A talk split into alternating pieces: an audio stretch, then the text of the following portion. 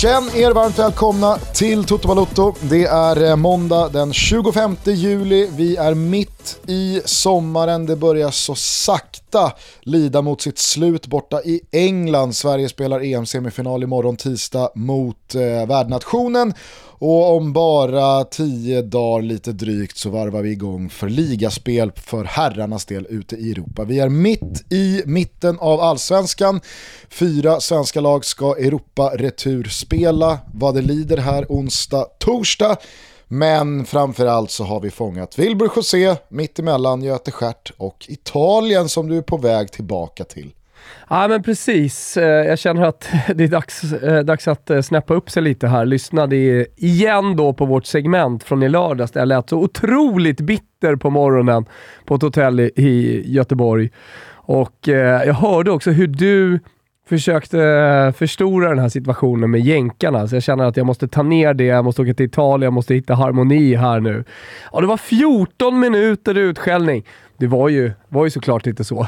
Utan eh, det var ju en, en ganska mil, ett ganska milt surr. Sen är det ju så, för att komma, studsa tillbaka till eh, eh, kärleken då, efter det där bittra segmentet, så pratade jag med Hawaiis coach eh, precis innan finalen. Och han sa “We represent you in this final. You should have been here, you're the best team we ever played”.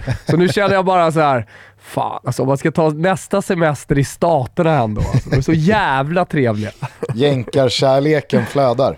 Ja, det gör det. Det gör det. Det gör det. Vad fan, det är ganska mycket kvar på den här eh, sommaren också. Det kändes lite som att den var över där på lördagmorgonen. Jag vet inte i eh, vilket state of mind du är Gusten, men uh, vi, vi har en del härliga kvällar kvar ju. Ja, verkligen. verkligen. Och jag tänker också att eh, du måste må extra bra här nu när du ska tillbaka till Italien för, för första gången på evigheter mm. känns det som. Nej, för sig, du var väl där i, i höstas va, med, med, med familjen på något något kort litet höstlov i Florens. Va? Men alltså just, eh, just liksom Lido-livet som vi älskar båda två du och jag, det väntar ju här nu. Ja, exakt. Jag ska, jag ska ner och välkomna Lappadula. Du vet den uh, italienska, peruanska anfallaren. Jajamän.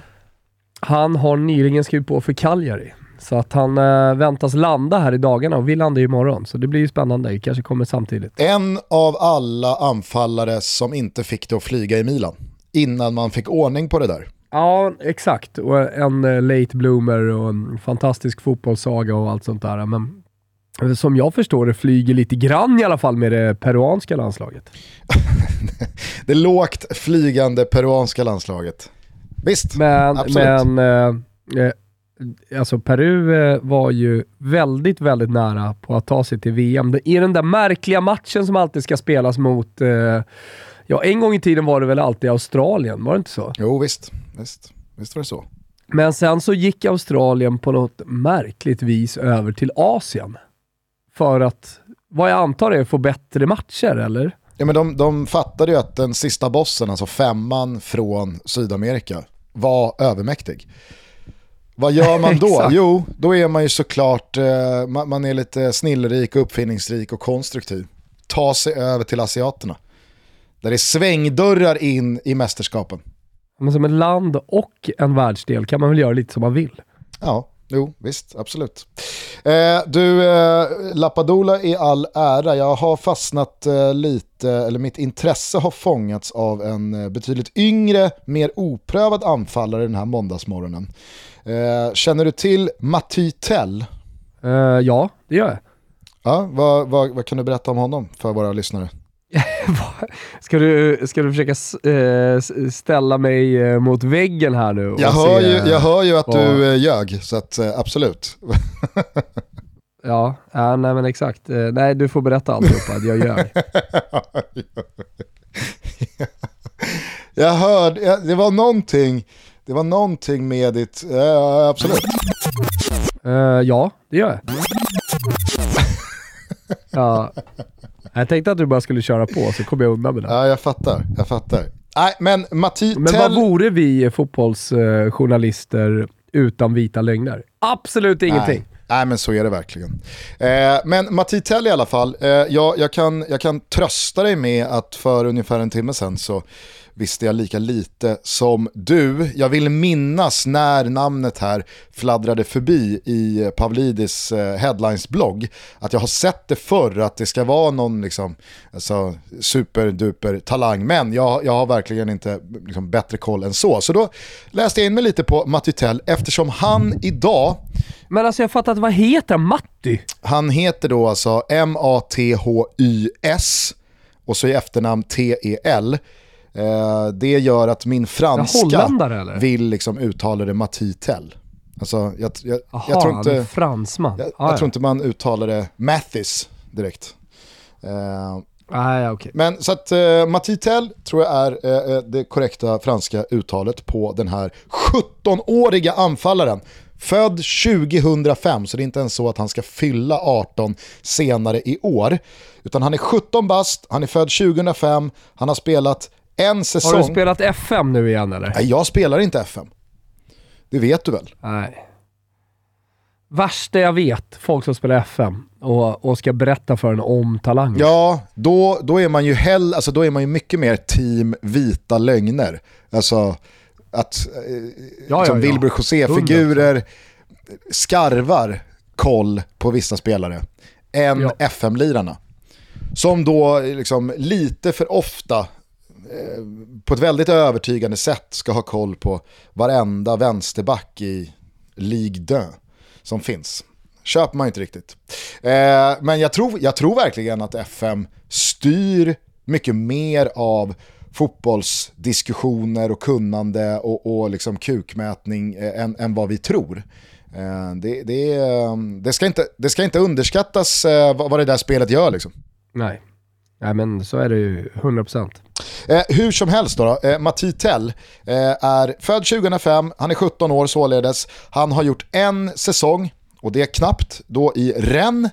Eh, den klassiska plantskolan, det finns ju en del klassiska plantskolor i Frankrike, men Rennes är ju sannoliken en av de främsta.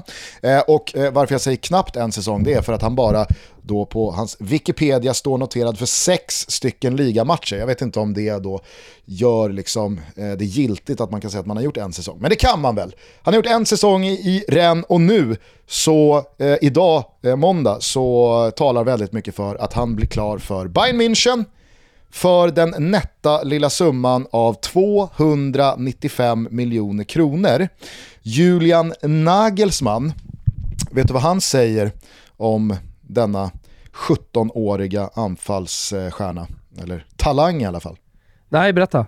Ja, men det är här jag tycker att det blir riktigt, riktigt intressant. För att liksom, vad, vad har alltid varit grejen med de här superlöftena, 16, 17, 18-åringarna som värvas för stora pengar till de riktigt stora klubbarna? Alltså, vad predikar alltid klubben och kanske framförallt då tränaren först och främst? Eh, vad, vad tränaren predikar först och främst när en ung talang kommer. Ja, för stora pengar och så vidare. Eh, att, vi ska, att man ska ha tålamod såklart. Ja men såklart. Alltså det, det är ju det enda man, det är det enda man hör. Att ja, men alltså det här är bara, han är bara 17 eller han är bara 18 eller han är bara 19 och vi ska, vi ska låta honom få sin tid och han är värvad på ett långt kontrakt och vi har inte bråttom och så vidare och så vidare. Men, men Bayern München, ah, tyskarna de, de är built differently. Eller vad man brukar säga. Eh, en viss Robert Lewandowski har ju lämnat. Det snackas om att Tell ska plocka tröja nummer 9 direkt. Och Julian Nagelsmann säger så här. En dag, det här är alltså ett citat. En dag kan han bli en av de bästa anfallarna. Det är i alla fall vår plan. Han kan bli en världsklasspelare. Jag har en bild av att han en dag kommer att göra 40 mål, säger Nagelsmann. Kanske kan han göra 10 mål den här säsongen. Då skulle vi vara glada. Alltså, det, det, det, det, är, det är såklart att det finns liksom en, en trappa i det Nagelsmann säger här också. Han säger ju inte att här och nu så ska Matutell vara eh, en, en världsklassanfallare som ska bomba in mål på Lewandowskis nivå. Men jag tycker ändå det finns någonting anmärkningsvärt i hur konkret och tydligt en klubb och en tränare som Julian Nagelsmann pratar om en 17-årig anfallare här. Visst, prislappen motiverar ju att det ska levereras omgående. Men håller du med mig, är det inte anmärkningsvärt ändå? Ja, men samtidigt kan jag tycka, det kanske är den nya skolan då. Nagelsmann är ung, han går ju sin egen väg. Eh, och han har sina, vad är det, 22 principer som de spelar efter. Eller de plockar fram då tre, fyra principer per match eh, som de ska förhålla sig till. Eh, och sådär. Det, det, kan, det kanske är den nya skolan. Ja, alltså... Eller så är det bara Nagelsmans väg. Det är så han gör. Jag vet inte om det är någon, liksom, här, någon ny skola eller om det är den tyska mentaliteten eller om det kanske är liksom Bayern Münchens eh, DNA och, och, och, vad som finns i, i de väggarna. Att det spelar ingen roll om du är 17 bast. Har vi värvat dig för 300 miljoner, ja men då gäller liksom samma kravbild eh, och, och, samma eh, regler för dig. Men jag tycker ändå att man, man, eh, man ger ju väldigt lite utrymme för en ganska så naturlig då inkörsperiod och kanske inte en tid där man behöver akklimatisera sig och växa in i. För och, återigen då, han har gjort sex ligamatcher för Rennes. Han har inte gjort ett enda mål. Eh, jag vet inte om han har gjort något, eh, något eh, officiellt tävlingsmål i någon inhemsk fransk kupp, men han har alltså inte gjort ett enda ligamål i sin seniorkarriär. Och helt plötsligt, från en säsong till en annan, sommaren när han är 17 bast, så pratar Julian Nagelsmann som tränare för en av världens bästa klubbar om att han ska liksom ersätta Robert Lewandowski och att det kan bli en världsklasspelare som ska, som ska göra 40 mål i Bundesliga. Jag vet inte, jag, jag, jag tycker att det är... Det är um... Men sen är det ju sådär, den där intervjun hade ju förmodligen passerat eh, de flesta här hemma i Sverige. Eh, och har förmodligen passerat de flesta som inte lyssnar på Toto Balutto. Och sen så hade den här gubben dykt upp. Och så, sen så kanske någon hade backtrackat och hört Nagelsmans ord och tänkt wow, han hade ju rätt, vilken häftig kille. Så jag vet inte hur mycket de betyder, men det är anmärkningsvärt att man faktiskt pratar så. Jag vet, i, i medelhavsländerna så är man ofta väldigt försiktig. Spanien, Frankrike och Italien. Dels med eh, alltså supertalanger, men eh, också med eh, de så kallade figli d'arte, alltså konstnärsbarnen. Eh, barn till Totti, barn till Baggio, barn till... Eh, nu, nu, två fotbollsspelare som jag valde som exempel som inte har barn som ska spela i Serie A. Det var ju intressant. Men du förstår vad jag menar. Eh, att, att, man, att man alltid försöker då skapa, eller bygga mur runt dem Eh, så att förväntningarna inte blir för stora. Men det går ju aldrig igenom. Alltså, så här, är det en spelare eh, som har en supertalang, jag ser nu eh, på vår gubbe Tell att han eh, har sprutat in mål, eh, mer eller mindre ett i varje match va, i ungdomslandslagen här. Eh, och är, är det den typen av stor talang så kommer ju alltid media skriva upp dem, alldeles oavsett vad eh, tränare och sportchefer säger, så kommer ju media alltid välja vägen att skriva upp dem. Så det, det, det är snarare det här då som Nagelsmann har gjort. Ja, jag eh, tänker... Någon hade ju krönikerat, som hade, eh, någon sportjournalist, som dels pysslar med FM och som dels pysslar med små vita lögner. Jag har sett honom väldigt mycket. Det är ju också, det, det, det är ju FM-gubbarna. Jo, men jag har också, vadå FM? Jo, jo, jag spelar FM och jag har sett honom där. Men jag har också sett honom mycket. Eh, brukar man säga. Nej, men och, och, och skrivit upp honom och valt den vägen. Den här spelaren kan bli bäst i världen. Det här är nya Lewandowski. För det, det är ju mediavägen. Detta är nya Pirlo, brukar jag alltid ja. välja. Nej, men... men det är alltid en ny, eh, före detta spelare. Dock har jag märkt eh, på slutet att det inte bara är den nya och så är det en före detta spelare. Utan nu kan det vara den nya eh, en 23-åring, en 24-åring. Eh, snudd på, jag lovar att vi nästa kommer få läsa om en ny Gavi i Barcelona eh, under den här säsongen. Ja knappt börjat spela. Ja, knappt torr bakom öronen. Eh, jag ska bara säga det att det kanske blir så extra mycket eh, när man som då Matitell också värvas in som ersättare till en sån här ja, men, urtypspelare som Lewandowski. Alltså, då blir det ju väldigt då, då, då, blir det så givet att man då dubbar honom till den nya Lewandowski. Eh, det, det, är ju inte någon som har dykt upp borta i Peru, eh, för att återknyta till det, eller till Australien. Då brukar det kunna heta att ah, det, här kan, det här kan bli den nya Lewandowski. Ja, men det har ingenting med Lewandowski att göra. Men när man sätter Matitell i Robert Lewandowskis miljö, ja, då, blir, då, då, faller det sig väldigt naturligt att man liksom börjar hinta om att det här ska vara den nya Lewandowski. Jag ska bara säga det också innan du får eh, Twittermaffian på dig eller några argsinta mail i inkorgen att vi har väl inte gett upp Christian Totti? Va? Har vi inte? alltså visst, krav, kravställningarna har krypit neråt i åldrarna. Det, det, det har ju hela det här segmentet handlat om. Men vad fan, Christian Totti är väl liksom, han är väl 16 bast.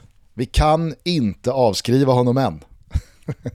Ah, okay. Jag vet inte hur han går, det vet eh, Roma-folket eh, betydligt bättre. Men jag såg att eh, Maldini Junior nu är på väg till Spezia. Och det är väl en bra destination för en ung spelare som inte riktigt har plats i ett mästarlag?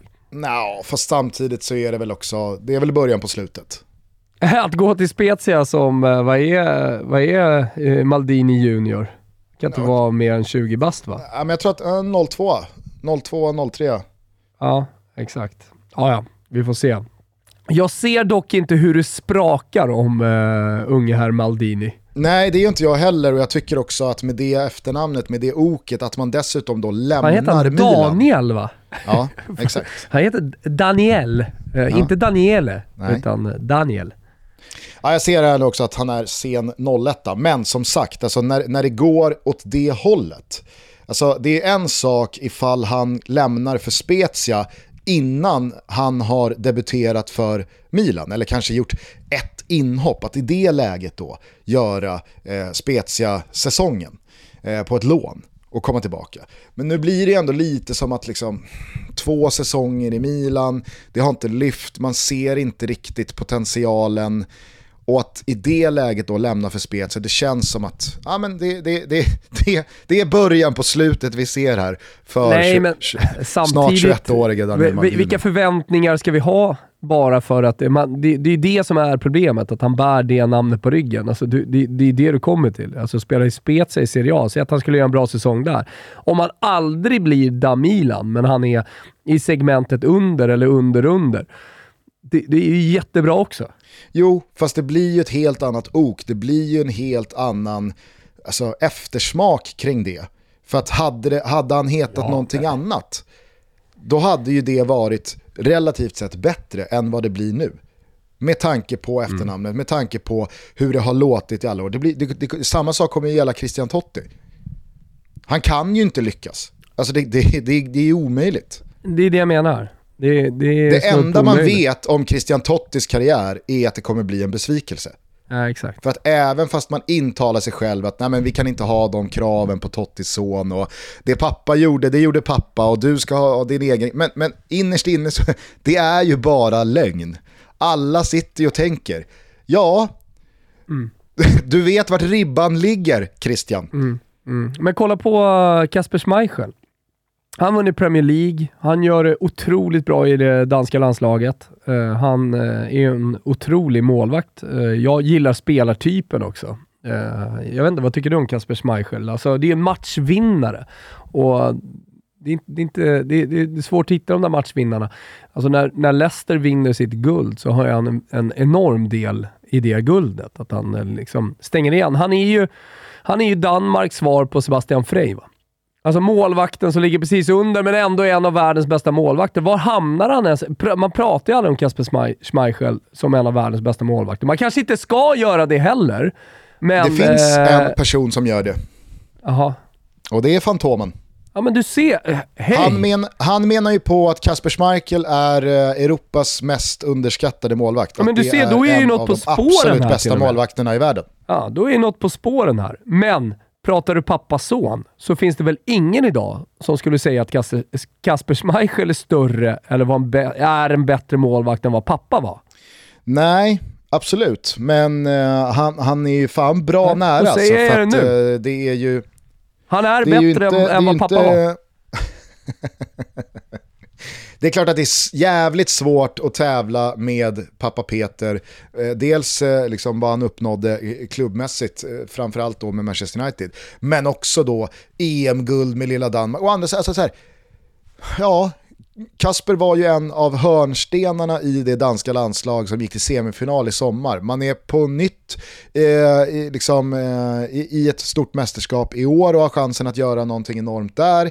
Eh, han är ju en av de absoluta kuggarna i det landslaget. Eh, och på det så har han ju liksom, alltså fan vet om inte den där ligatiteln med Leicester liksom kvittar trippen med eh, Manchester United som, som Peter tog 99. Eftersom det, det, det finns någonting så unikt i, i, uh, alltså i, i, i Leicesters Premier League-vinst. Mm. Jag kom precis på nu när vi pratar om England, vi har ju faktiskt en Filio d'Arte, konstnärsson, eh, som faktiskt är bra jävla mycket bättre än pappa. Alltså? Håland. Kallar ändå Alf Inge för konstnär här. Ja. Ja, jo, absolut. Men jag menar, alltså, om, vi, om vi ska, om vi ska liksom tillåta oss själva att kliva ner på den nivån, ja, men då, då, då finns det väl hur många spelare som helst som har brädat farsan. Om, ja, men Kesa då?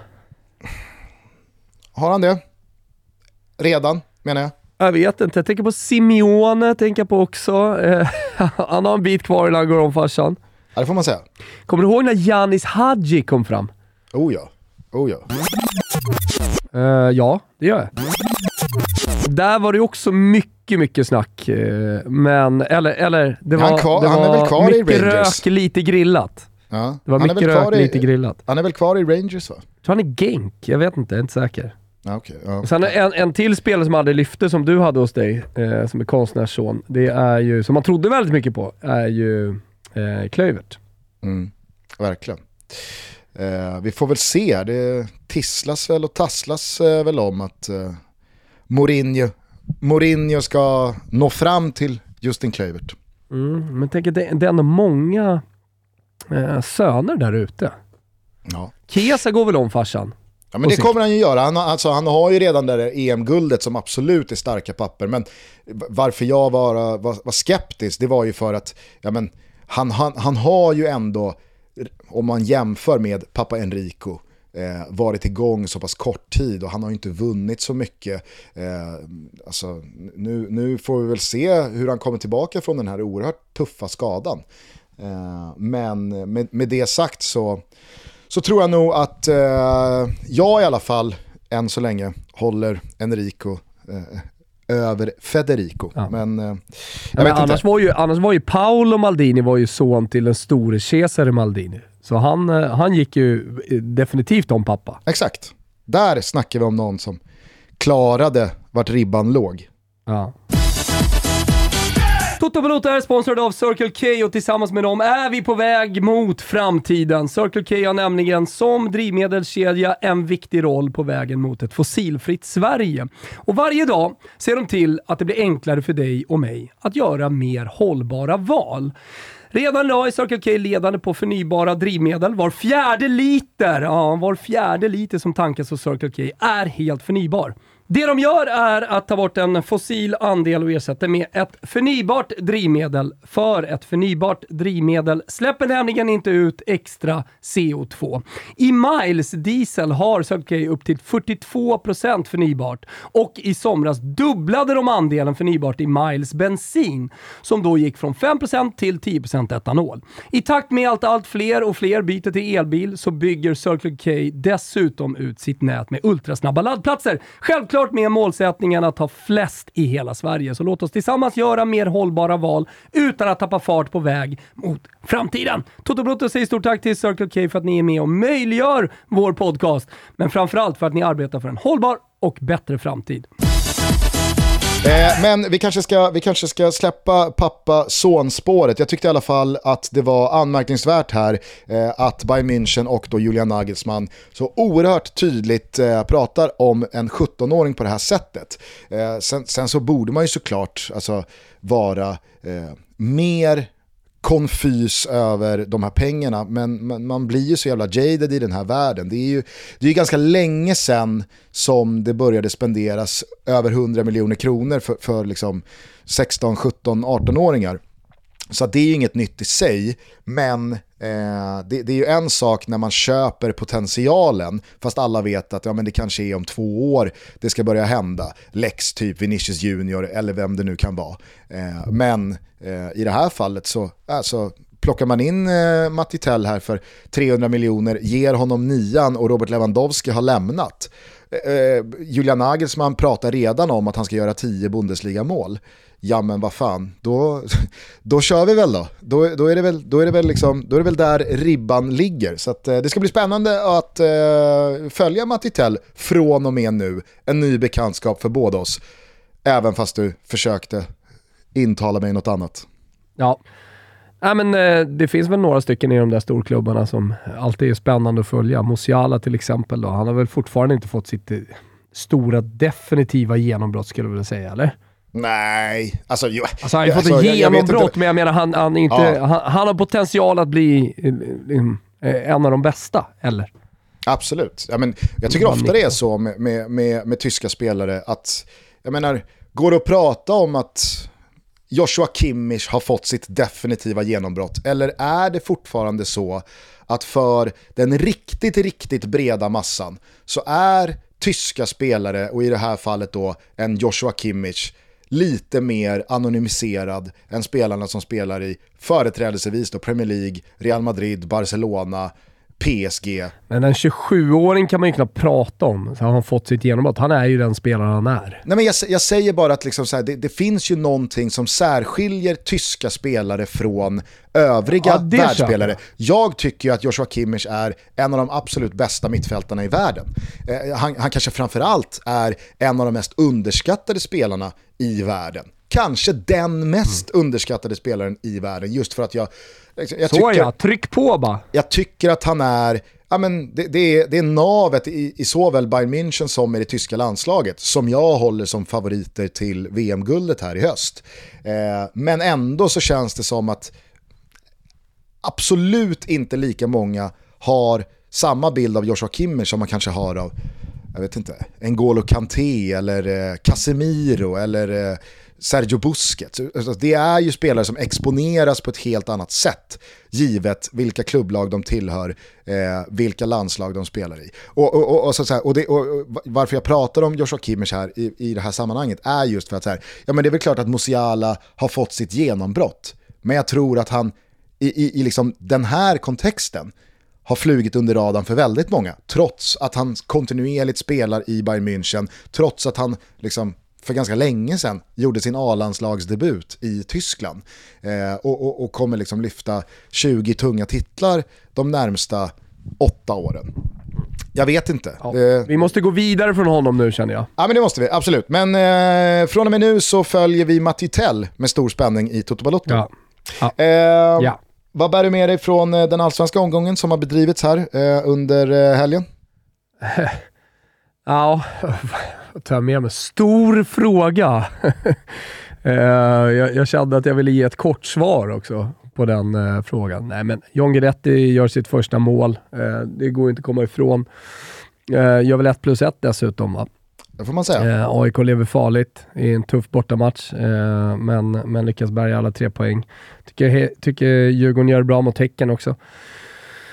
Eh, så att, eh, ja, så kollar man till tabellen lite grann sådär och ser, eh, jag vet inte, eh, vissa har jag sett i mina chattgrupper har sagt att eh, Malmö spelar dåligt och inte gått att känna igen, men samtidigt så de, de, har väl långa, de har väl kommit igång rejält här också.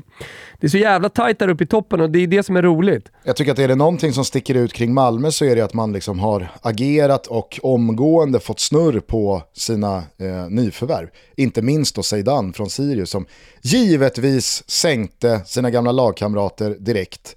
Eh, men jag menar, alltså den här Sibi som man har plockat från eh, Frankrike, det... Mm det, det, det, tycker jag liksom osar både klass och, och, och, pondus och power runt honom. Jag tycker att Josef Ceesay också omgående har kommit in och, och, och, visat vad han kan bidra med. Dessutom så har man ju liksom börjat få tillbaka en hel del spelare som drogs med eh, skadebekymmer under våren. Det var ju, det var ju smått eh, parodiskt där i, i, i eh, månadsskiftet april-maj.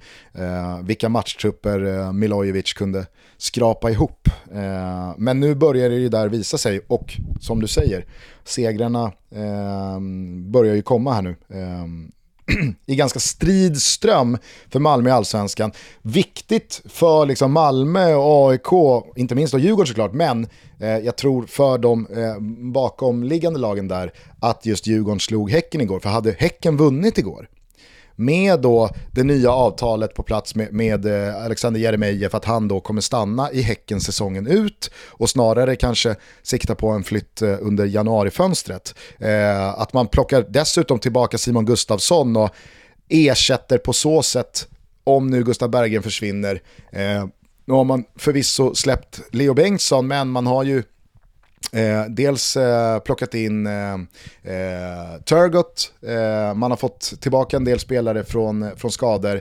Eh, så att, jag menar, jag tycker Häcken ändå, då, då, det går väl jämnt ut deras in och ut på fönstret, men man landar ju på plus i och med att man då lyckas eh, få till en lösning med Jeremejeff. Och i och med den då absolut visar att vi går för guldet. Och i halvtid igår mot, mot, mot Djurgården när man leder med 1-0, jag menar, då, då, har man liksom fyra poäng ner till Djurgården med en match mindre spelad. Man har en match mindre spelad än Malmö. Eh, man har en match mindre spelad än AIK. Alltså, skulle man med den matchen i handen ta tre poäng, då, då, då, går det ju att prata om en sjupoängslucka. Och när vi nu kliver in då i andra halvan av allsvenskan, även fast Häcken är Häcken, alltså sju poäng, halva serien kvar, då har man ju bevisligen visat att man ska vara i den där toppen. Och med, med, med, med Men du vet vad jag sagt. Ja. Du får lyssna på mig där helt enkelt, det kommer inte hålla. Nej, alltså det är väl klart att väldigt mycket... För att mycket... Häcken är Häcken, det är bara, det är bara att lyssna in. Ja, okej. Okay, ja. Jag tycker i alla fall att väldigt mycket förändras då såklart, och det är, det är ingen uppseendeväckande åsikt i sig, men väldigt mycket förändras ju i och med att Djurgården går ut och vänder på den där steken. Tar, om det nu är femte eller sjätte raka segern, eh, man vänder och vinner igen.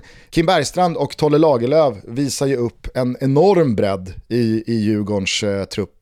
Eh, man, man eh, kostar dessutom på sig att eh, comeback-byta in Marcus Danielsson eh, för att bara ytterligare markera hur man har liksom förstärkt försvarsleden. Den, den redan jävligt solida defensiven. Så att, för, för, för guldstriden och för toppstriden så blev det ju eh, väldigt intressant med, med, med Djurgårdens seger igår. Som, jag, jag tyckte det var en jävla bra, det var, det var en bra seriefinal. Jag tycker att det var imponerande dessutom att se Djurgårdssupportrarna fortsätta rida på den här sommarvågen som är jävligt hög. Alltså vilka, vilka nummer de var med i Göteborg efter en Kroatienresa och det är tajt matchschema. Nej, det, var, det, var, det var en rolig ja, allsvensk söndag. Överlag, ur ett supporterperspektiv så är de här matcherna fantastiska. Bayern har ju Varberg idag, sommarstad, åka ner. Eh, det, det är ju det är ju piken eh, som eh, supporter. Nej, det är det ju inte. Det är ju såklart eh, de stora matcherna och framförallt ute i Europa och sådär. Men, men eh, att eh, åka ner en sommardag till västkusten är inte dumt alltså. Nej, och det är väl favorit på att många bajare lämnade huvudstaden redan i torsdags fredags för att verkligen parta in reviret. Ja, Tylösand annars är ju ett vattenhål, supportervattenhål. Ja, det får man säga. Eh, kort bara tillbaks till Finnvedsvallen och eh, Värnamo AIK. Jag, jag noterade ju såklart också Guidettis 1 plus 1. Jag tycker det var kul att han efteråt var lite så här, ja men, inte distanserande från eh, betydelsen av att han gjorde mål. Han pratade om att säga, ja, men jag är inte 19 år längre, jag behöver inte bevisa någonting för någon. Men jag tyckte det var ganska tydligt i hur han firade att det, det, var ganska skönt att det där målet kom så här liksom tidigt in Något i ville han bevisa, det är det du... det, det, var, det, var inte, det, var, det var liksom inte en axelryckning till påse och liksom ett, ett, avslappnat firande med bara liksom en, en lugn hand upp och vinka lite till familjen som satt på läktaren. Utan det var bara Men... över reklamskyltarna, rätt in i den svarta massan. Det hade ju ändå varit något om han hade firat lugnt. Liksom. Typ eh, bara gått upp till mittplan, klappat om grabbarna, fokus, peka på huvudet. Ja. Fokus nu grabbar, fortsätt kör. Exakt, exakt. Ja, det, det, det, det hade ju verkligen signalerat Han att... Kanske liksom, hade planerat det. Ja, jag, är någon, jag, jag har blivit någon annan med åldern och med all erfarenhet utomlands. Så jag, jag, behöver verkligen inte bevisa någonting och är det någon som tror att jag inte ska göra mål, alltså lugn, det kommer, det, det kommer komma mycket mer från den här foton men det, det finns ja, ingen precis. stress. Liksom. En kasse borta mot Varberg är ingenting. Nu var det ju istället liksom, nu var det, det, var, det var ju bröst, eh, bröstdunket och galna ögon rakt ut i eh, ultrasfamnarna och ah, fy fan, det var en riktig jävla adrenalinexplosion. Eh, men den kanske stora rubriken från den här matchen är ju såklart då Robin Tihi, mittbacken, den unga sådana som är utlånad från AIK och som spelade eh, i den här matchen och som också gjorde 1 plus 1 kan man väl säga. Dock i fel bur. Eh, först eh, kvitterar han med ett självmål eh, fram till 2-2 och sen så är han högst delaktig då med ännu ett misstag i det som leder fram till att John Guidetti då klackar fram Stefanelli fram till matchavgörande 3-2. Eh, det här har ju varit en ganska liksom långdragen diskussion men vi har ju aldrig, i alla fall inte vad jag kan minnas, alltså haft en sån här då tydlig rekyl som det blev igår med att en utlånad spelare faktiskt starkt bidrar till att klubben som betalar eh, lönen och som man faktiskt tillhör, eh, att, att det laget då vinner matchen och tar poäng. Eh, utan många gånger, och, och, och, det är inte så att jag liksom misstänker eh, Robin Tihi för någonting eller att jag anklagar Robin Tihi för någonting. Jag menar bara att väldigt många gånger så står ju de här spelarna som är utlånade från en klubb för supersolida insatser som mot vilket lag som helst. Och, och, och ger en aldrig liksom anledning att peka på någonting eller att man kan visa någonting konkret. Inte minst då, det var väl både Samuel Brolin och eh, eh, vad heter han, Jetmir eh, eh, vad fan är det han heter? Mittbacken från eh, Gnaget som är utlånad till eh, Mjällby som har... Där snackar vi mycket rök, lite grillat. Efter att han anslöt från J Södra för två år sedan. Skitsamma, många vet säkert vem jag menar. Eh, två stycken utlånade spelare från AIK till Mjällby som var uppe på Friends här för bara några veckor sedan, stängde butiken och gjorde två jättematcher eh, när Mjällby då vann med, med 1-0. Eh, så att, det, det, är ju liksom 99 gånger av 100 så är det ju snarare så det ser ut och man, man har ingenting att peka på. Men nu fick man ju den här insatsen, eller i alla fall då eh, incidenten med att det, det måste faktiskt, oavsett vad svensk arbetsrätt eller svensk lag säger.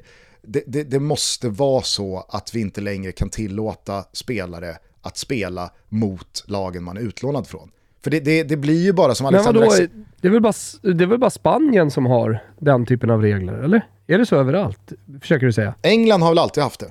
Har England så? Alltså, i, i, det, om, om de har ändrat det så har de ändrat det ganska nyligen. Men eh, i, i liksom den fotbollsvärld jag lever i så har England i alla år alltid haft ett väldigt tydligt stipulerat att ut, alltså, låna ut spelare är inga problem, men man spelar inte mot laget man är utlånad från.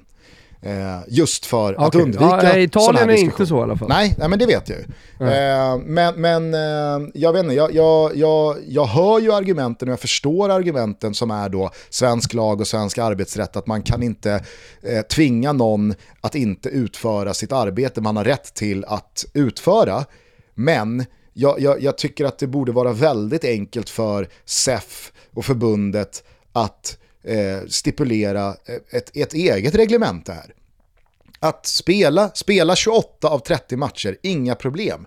Men vi kan inte, vi, vi kan inte liksom, vi kan inte utsätta spelare för den här risken som Robin Tihi utsattes för igår och som han nu kommer få dras med och har dragits med i, i ett halvt dygn på sociala medier. Liksom. Jag, jag, vet inte, jag, ty jag tycker bara att det är liksom så här, fan det är väl inga, det är väl inga, det är väl inga problem. Jag förstår att han är fundamental i Värnamo och sådär, men det finns väl oavsett eh, regelverk eh, eh, chefer som eh, kan styra i det där också. Kanske inte spela honom i en sån här match till exempel. Nej men precis, och jag tvivlar alltså, inte på... Jag har ju sett, jag har sett fall där, det, där, där man har gjort så. Ja.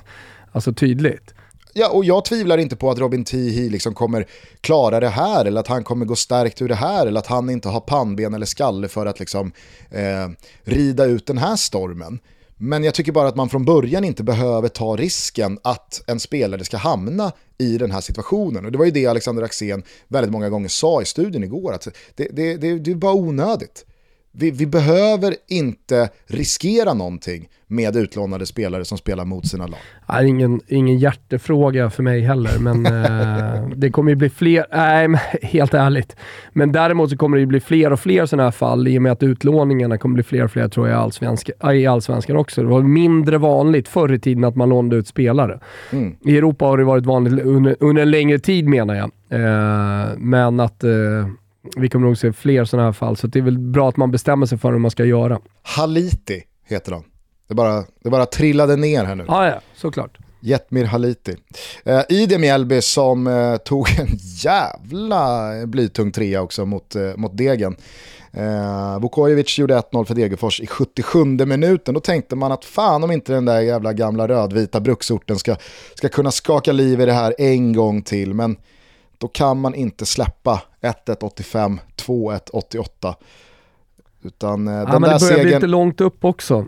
Jag tycker att den där, den där segern för Mjällby, den där förlusten för Degerfors, ja, men den, den, den cementerar nog det vi många gånger redan slagit fast under den här säsongen. Att Mjällby under brännan, utan att ta någonting från Mjällbys eh, senaste säsonger som har varit väldigt bra, eh, men Mjällby under brännan är liksom, de, de är på riktigt. Alltså, de, de har fyra förluster på, på, på 15 matcher. Det, det, det är färskt Ja, men de är, av liksom det, det, samtliga lag under de tippade guldlagen. det han har lyckats eh, skapa brännan tycker jag, det är ju ett, ett eh, lag som är väldigt stabilt i sina prestationer med få så här, megatoppar, i, om, man, om man ser inte bara till resultatet utan hur, hur matchen har sett ut. Mm. Eh, Utan det ser ungefär likadant ut hela tiden. Det är inte så att man kliver in och så gör man en supermatch, sen gör man en platt match och torskar 4-0 och sådär.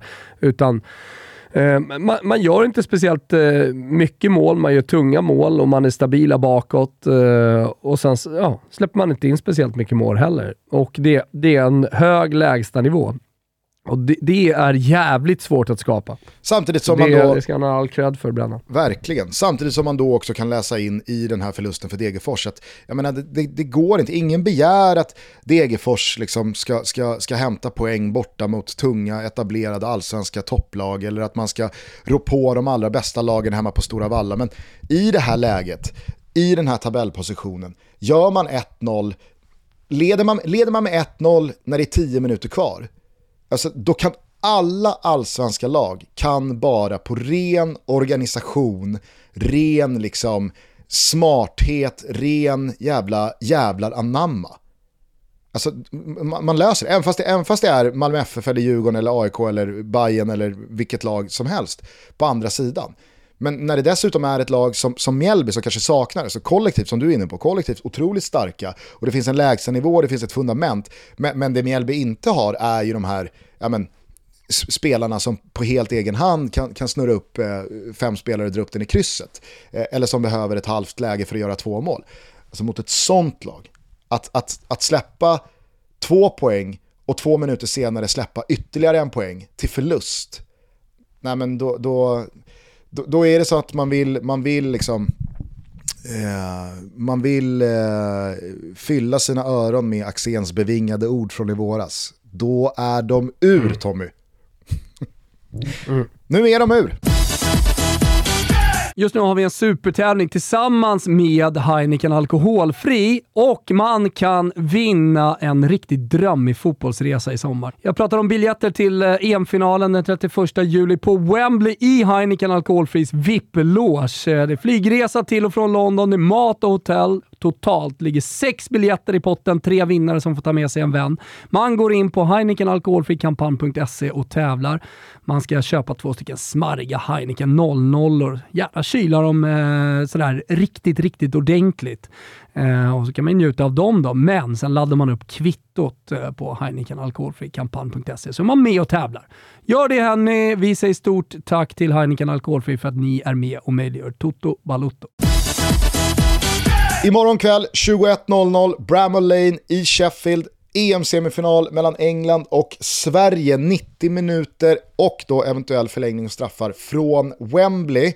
Nu är det ju eh, T-korsningen va? För eh, vart vi ska sätta våra betyg på den här eh, svenska EM-insatsen. Eller, för skulle man åka imorgon, då är det väl svårt att prata om eh, någon någon form av liksom, bra mästerskap, eller?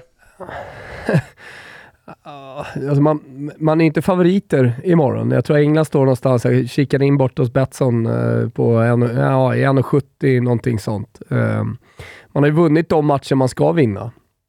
Eh, och eh, eh, det, det får jag ändå se som, go, eh, som godkänt, kanske godkänt plus till och med, beroende på lite vad det är för typ av match man gör. Ska man åka upp på straffar efter att ha dominerat och så vidare.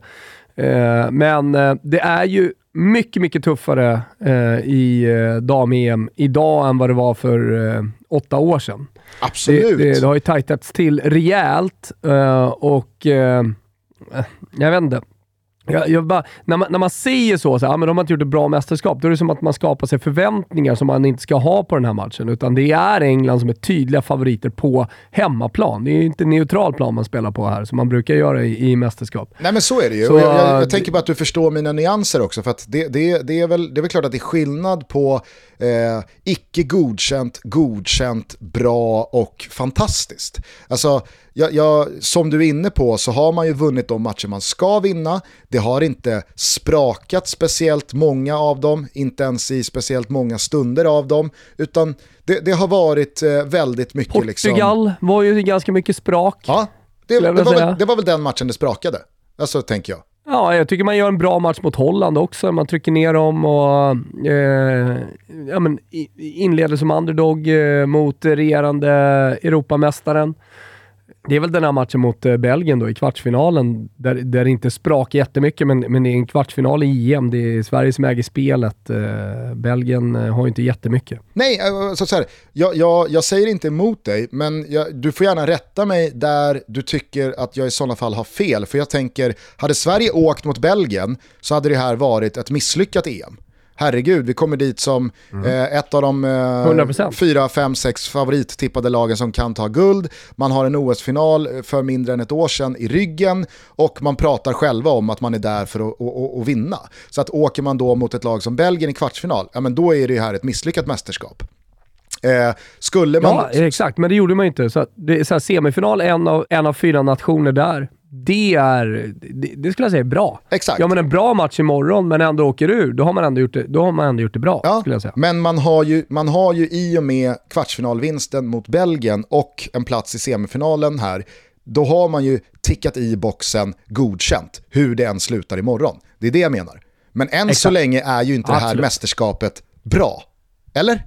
Nej. Eh, skulle, skulle, vi, skulle, vi förlora vi, med, ja. skulle vi förlora med tre bollar imorgon och göra eh, en, en riktig platt match, då är det väl svårt att säga att Sverige har gjort ett bra EM, eller? Ja, ja, ja nej, men det är därför jag säger att det, det beror på lite hur matchen ser ut imorgon. Och, och det, där, efter det så tycker jag att vi kan eh, då summera någonting. Men, men eh, hittills har man gjort det man har kunnat förvänta sig. Eh, kanske inte så mycket mer, eh, men eh, Eh, det är, det är också det, är, det, är det svåra när man, eh, till skillnad från Sveriges herrar då, alltså Sveriges damer går in som favoriter. Vi är inte vana i fotbollssammanhang att eh, se ett svenskt landslag inleda ett mästerskap som en av fyra nationer som, som, som har jättebra chans att gå hela vägen. Så absolut, semifinal, EM och det är ju häftigt bara i sig att man har gjort jobbet liksom, fram till en semifinal. Säger någonting om var svensk damfotboll har jobbat sig till, vilken position man har jobbat sig till. Jag känner att jag borde kallat den här semifinalen mot England imorgon för en rondell snarare än en T-korsning. Det finns liksom fler, ja, det, det finns fler avfarter att ta än bara två. Ja, ja jag vet. Eh, jag, jag eh, åberopar ofta nyanser eh, när vi pratar om fotboll. Eh, och jag vet att jag kan vara väldigt svartvit också i, i mitt tyckande. Eh, men eh, det, det, är mer nyanserat att säga att det är en rondell då man befinner sig mm. Eh, det råder i alla fall någon form av silencio stampa i det svenska lägret kring då skador och eventuell covid. Men det senaste jag har tillskansat mig rent trupplägesmässigt det är att Hanna Glas är fit for fight igen och väl går in i, i startelvan direkt.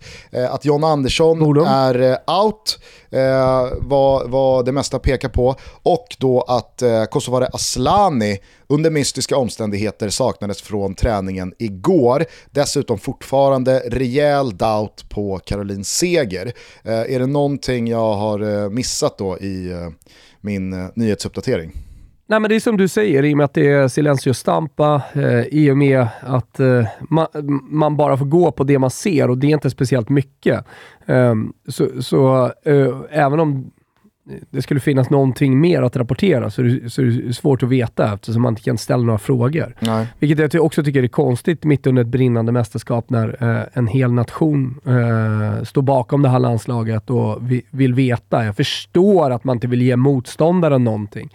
Eh, men eh, tycker ändå att det, det finns någon slags eh, ansvar att liksom, vi gör det här tillsammans och att intresset också är så stort som det är. Och att man, man, man borde i alla fall eh, kunna säga inga kommentarer då på vissa frågor och ändå, ändå, ändå prata. Men är det givet för dig att eh, Hanna Glas går eh, raka vägen tillbaka in i startelvan? Eh, om vi börjar där. Ja, om hon är fit for fight. Mm. Ja, det tycker jag. Eh, om nu Kosovare Aslani eh, av någon anledning då skulle saknas, eh, hur, hur tänker du att eh, Gerhardsson ersätter mm. henne? Ja, men hon är en sån unik spelartyp eh, i det här laget eh, att det, det, är svårt, eller det går inte att direkt eh, ersätta henne, utan då får man hitta någon annan lösning. Det skulle, vara, skulle kunna vara så att man flyttar in Fridolina Rolfö mer centralt, eh, kanske i Kosovare eh, Asllani-rollen eller eventuellt lite mer tillbakadragen, flytt, flyttar upp Angeldal. Eh, alltså det, det, man, man, kan göra på olika sätt. Man skulle kunna sätta in eh, Hurtig, även om hon är en helt annan spelartyp. Man skulle kunna sätta in Hurtig till vänster. Olivia Skog skulle kunna kliva in till vänster på roll för rollen om hon trycks in centralt. Så jag tror, Olivia jag tror Skog ska säga, typ eh, när, du, när du nämnde henne så kommer jag ihåg att hon saknades också eh, på senaste träningen. Så att... Ja, just det. Du ser. Man, man tänk, på det som hon inte har spelat så mycket. Eh, men eh, ja, det, det, hur som helst. Det, det, finns olika konstellationer här. Eh, I och med att Aslani är en sån unik spelartyp. Menar, är, eh, eh, Rytting Kaneryd, Sofia Jakobsson, eh, Hurtig, de kan slåss om en position ute till höger. Är någon av dem out, då väljer man bara någon av de andra. Eh, men eh, som sagt, eh, Aslani, men Aslani har ju varit, eh, som jag tycker, Sveriges bästa spelare så här långt eh, och eh, är den, den viktigaste spelaren faktiskt inför den här semifinalen. Eh, så det hade, det hade varit ett mycket större avbräck än Caroline Seger, tycker jag, i det här läget. Nu har det ju varit eh, väldigt eh, tyst angående det här och väldigt diffusa, luddiga och ibland väldigt tydliga icke-svar kring det. Och vi hördes ju ehm, prata om detta redan för ja, bara två dagar sedan i lördags. Så det, det, det, det, är väl snarare så att man får gå på sin, sin känsla och sin erfarenhet och försöka lägga ihop ett och ett här. Alltså, vi kan väl, ändå, mm. vi kan väl garantera Caroline Seger från start imorgon? Jag, jag tycker det. Alltså i och med att rapporterna inför Belgien var att hon hade eh, snörat på sig skorna och var med på den kollektiva träningen. In gruppo, som det så fint heter. Eh, så, så är det väldigt svårt att se om man inte löser det där. Om mm. det handlar om smärta och, och en fot. Liksom. Ja, jag med. Och som du var inne på i lördags då, alltså en kalkylerad risk, chansning som föll jävligt väl ut också att, vi, alltså att, att inte chansa mot ett lag som Belgien. Men mot ett lag som England mm. i en semifinal, när det är lite make it or break it, när vi ska in i den här rondellen, ja då, då kanske det faktiskt är värt. Och det tror jag hon tycker också. Då kanske det faktiskt är värt mm. eh, att, att sen, eh, testa sen, vart gränsen går.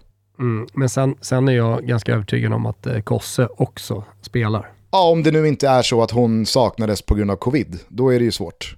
Ja, nej, nej, det, det är klart. Men eh, jag, jag, vet inte, jag läser intervjuer här trots allt eh, med Wikman, eh, assisterande förbundskapten. Eh, så, så är i alla fall inte min känsla att det, det är covid. Nej, nej det, låt oss hoppas. Det är en jävla smittospridning överallt. Mm. 20.00 drar sändningen igång på Simon imorgon tisdag. Frida, Vicky och Lotta sitter i studion. En timme senare är det dags för avspark. Och nu säger jag fan i mig för en av de sista gångerna, vill man se hela den här sändningen helt reklamfritt, ja men skaffa då ett Simor Plus-abonnemang och gör det med våran kod som är VIPSOMMAR22TOTO i versaler via simor.se kampanj totobalutto. För då får man nämligen det här abonnemanget till halva priset de första tre månaderna och när EM då går i mål så stundar La Liga, Serie A, Champions League och all annan fin sport som finns att tillgå på Simor. Dessutom så börjar det väl dra ihop sig för en ny bäck va? Oj oj oj. oj, oj, oj nu så! Undercover. Inte bäcktoto. Ah, inte bäcktoto nytt. Fan vad det är många önskemål ah. kring det alltså. Ja, eh, jag tycker att det är fräscht när det kommer in kommentarer “aldrig mer” eh, också, eftersom det är så många som vill att vi kör.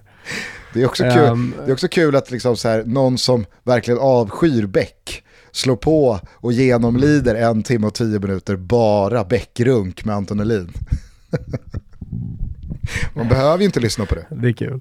Nej, det behöver man inte. Det, behöver man. det var ju också extra avsnitt. Det var inte så att vi la det som ett av två den veckan. Nej, nej. Eller hur? Nej. Eh, du Gusten, när man håller på och ska göra saker så vill jag eh, belysa här att Celsius befinner sig i otroliga Smögen tillsammans med Amaze Festival. Och dit kan man då gå, till Celsius alltså, i Smögen och eh, dricka Celsius, testa. De har lite utmaningar, lite roliga eh, utmaningar och eh, man har chansen att vinna fina Celsiuspriser.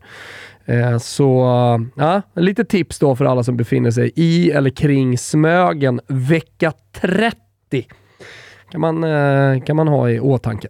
Underbart, hörni. Vi eh, hörs i dagarna. Vi får väl se om det blir redan på onsdag morgon, eller onsdag i alla fall, efter Sveriges EM-semifinal mot England, eller om vi av logistiska skäl hörs igen på torsdag eller på fredag. Du ska till Italien som sagt, jag ska till ön eh, och det ska spelas en hel del intressant eh, herrfotboll eh, bland de svenska klubbarna. Det är ju då som sagt Champions League-kval och Conference League-kval kvalreturer eh, i veckan här nu för både Malmö, AIK Elfsborg och Diffen.